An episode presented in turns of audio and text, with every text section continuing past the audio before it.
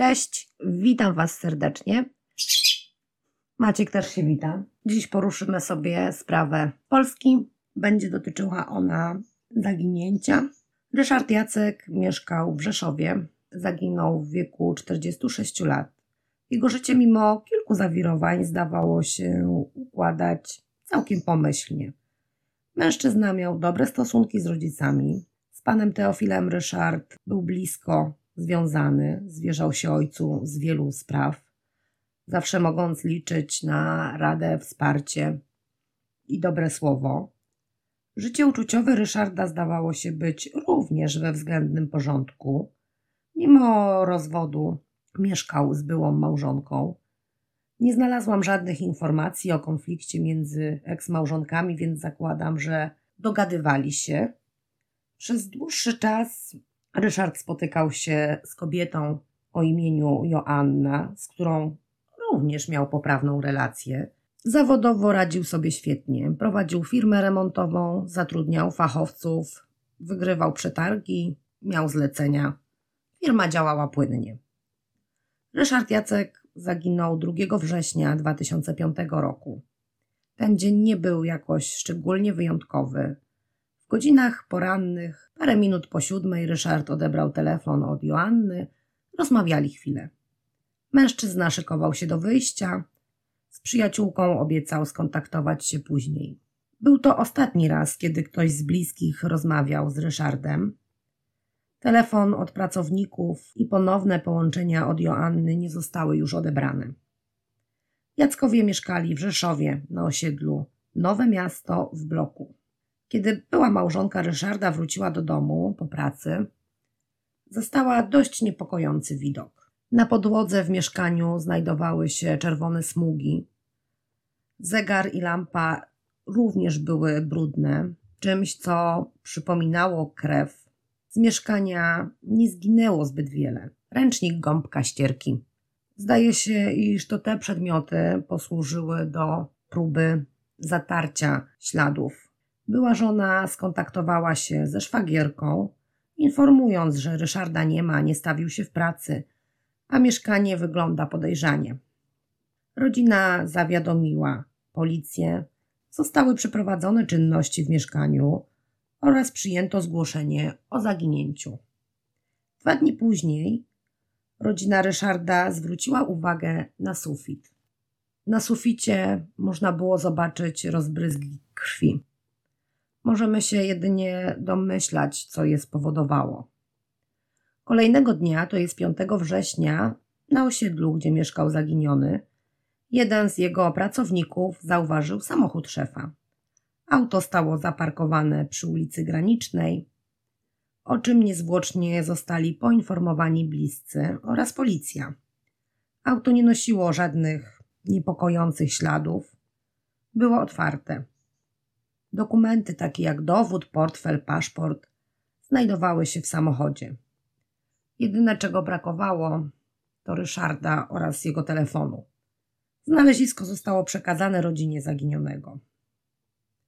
Brak zbadania auta nie był pierwszym złym posunięciem stróży prawa, ale do tego sobie jeszcze wrócimy. Tata Ryszarda miał do przekazania policji pewne informacje, być może nawet trop.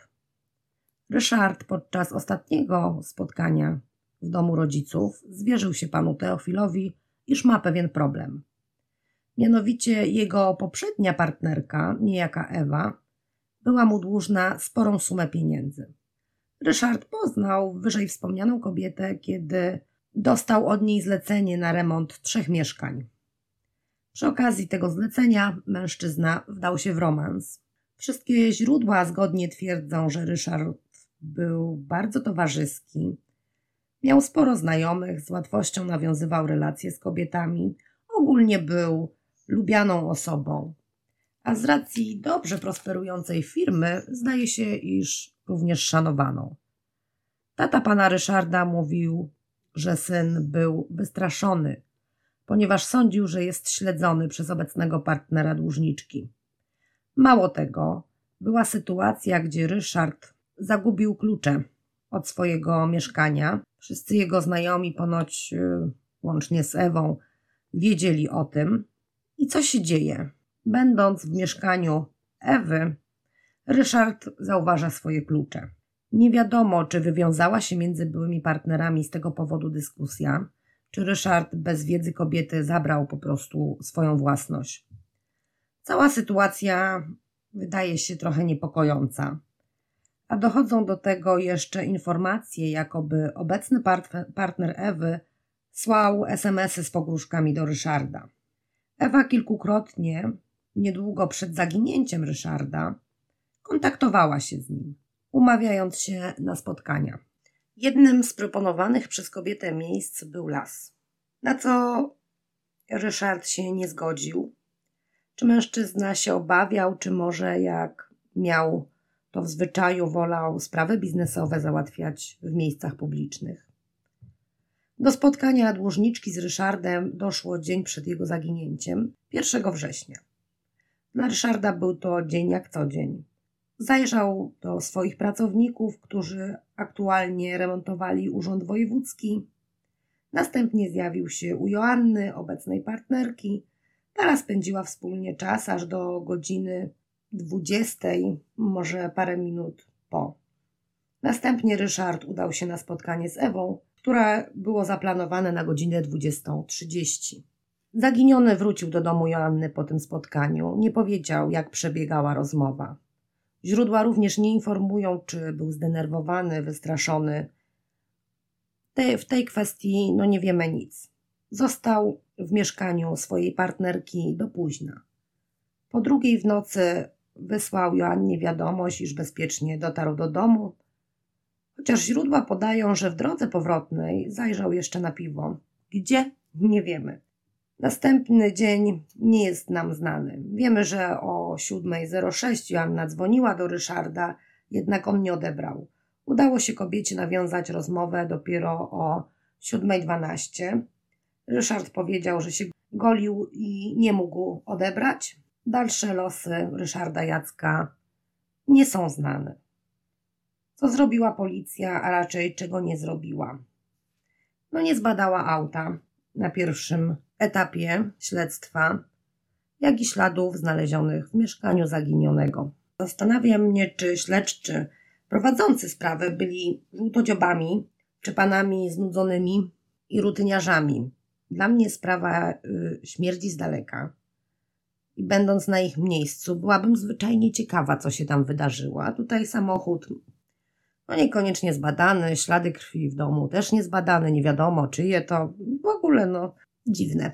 Śledczy sprawdzili trop Ewy i jej partnera, jednak nie znaleźli tam nic niepokojącego, co mogłoby wskazywać, że przyczynili się do zaginięcia pana Ryszarda. Bliscy byli rozczarowani prowadzonym śledztwem Swoją opinią w tej sprawie podzielił się również ceniony prawnik, pionier wiktymologii, ceniony specjalista prawa w sprawach kryminalistyki i kryminologii Brunon Hołys. Tak pokrótce moimi słowami pan profesor uznał, iż śledztwo zostało zwyczajnie spartolone, bo no właśnie wszystko przez y, nieprzebadanie tych kluczowych miejsc. W 2006 roku ojciec Ryszarda wziął udział w programie 997 i została tam przedstawiona ta sprawa. Nie przyniosło to jednak rezultatów. W 2007 roku rodzina uzyskała dostęp do akt sprawy i wiecie, co się właśnie okazało. Że te ślady krwi w mieszkaniu nie zostały zbadane. Z pewnością musiało to kosztować dużo i normalnie brak słów. Koniec końców zbadano w końcu krew z mieszkania zaginionego no i okazało się, że była to krew pana Ryszarda. W aucie po jego zbadaniu nie znaleziono nic wnoszącego do sprawy. Krew na suficie może oznaczać wiele scenariuszy: uderzenie, postrzelenie, ale raczej nie wróży nic dobrego. Bliscy Ryszarda są zdania, iż padł ofiarą morderstwa. Rodzice chcieli odnaleźć jego szczątki, by miał swoje miejsce na cmentarzu.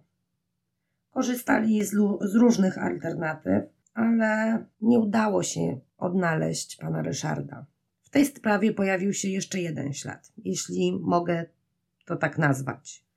Raczej niesprawdzony, ponieważ znaleziony wśród komentarzy. Anonimowa osoba napisała, iż jest synem pani Joanny, który w czasie wydarzeń był przedszkolakiem i niewiele pamięta z tamtego okresu.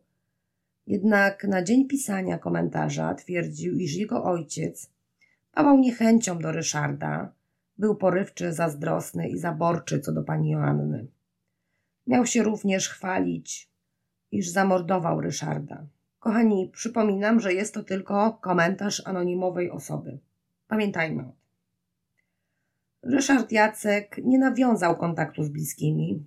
Ze źródeł wynika, że sąsiedzi na początkowym etapie śledztwa nie zostali przesłuchani ani przepytani. A przecież doskonale wiemy, że na klatce schodowej słychać każde zamieszanie, głośniejszą rozmowę, czy nawet jak coś upadnie, no to jednak to się niesie. Istnieje taka instytucja jak starsze panie, spędzające czas w oknie albo na ławce przed blokiem. To jest niezmienne od lat i no nie ma szans, żeby nie mieszkała chociaż jedna taka osoba w bloku. No i zazwyczaj one są całkiem dobrym źródłem informacji.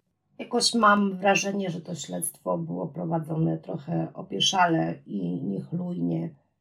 Szkoda, bo może gdyby prowadzono od samego początku bardziej intensywne, zakrojone może na trochę większą skalę poszukiwania, właśnie łącznie z rozpytaniem sąsiadów, może można byłoby coś ustalić, a tak po pewnym czasie pamięć ludzka zwyczajnie bywa zawodna, a i różnego rodzaju ślady zostają utracone.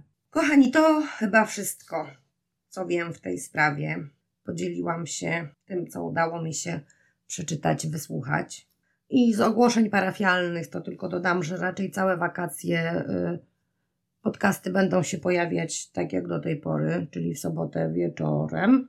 To by było na tyle. Dziękuję za wspólnie spędzony czas. Do usłyszenia. Cześć.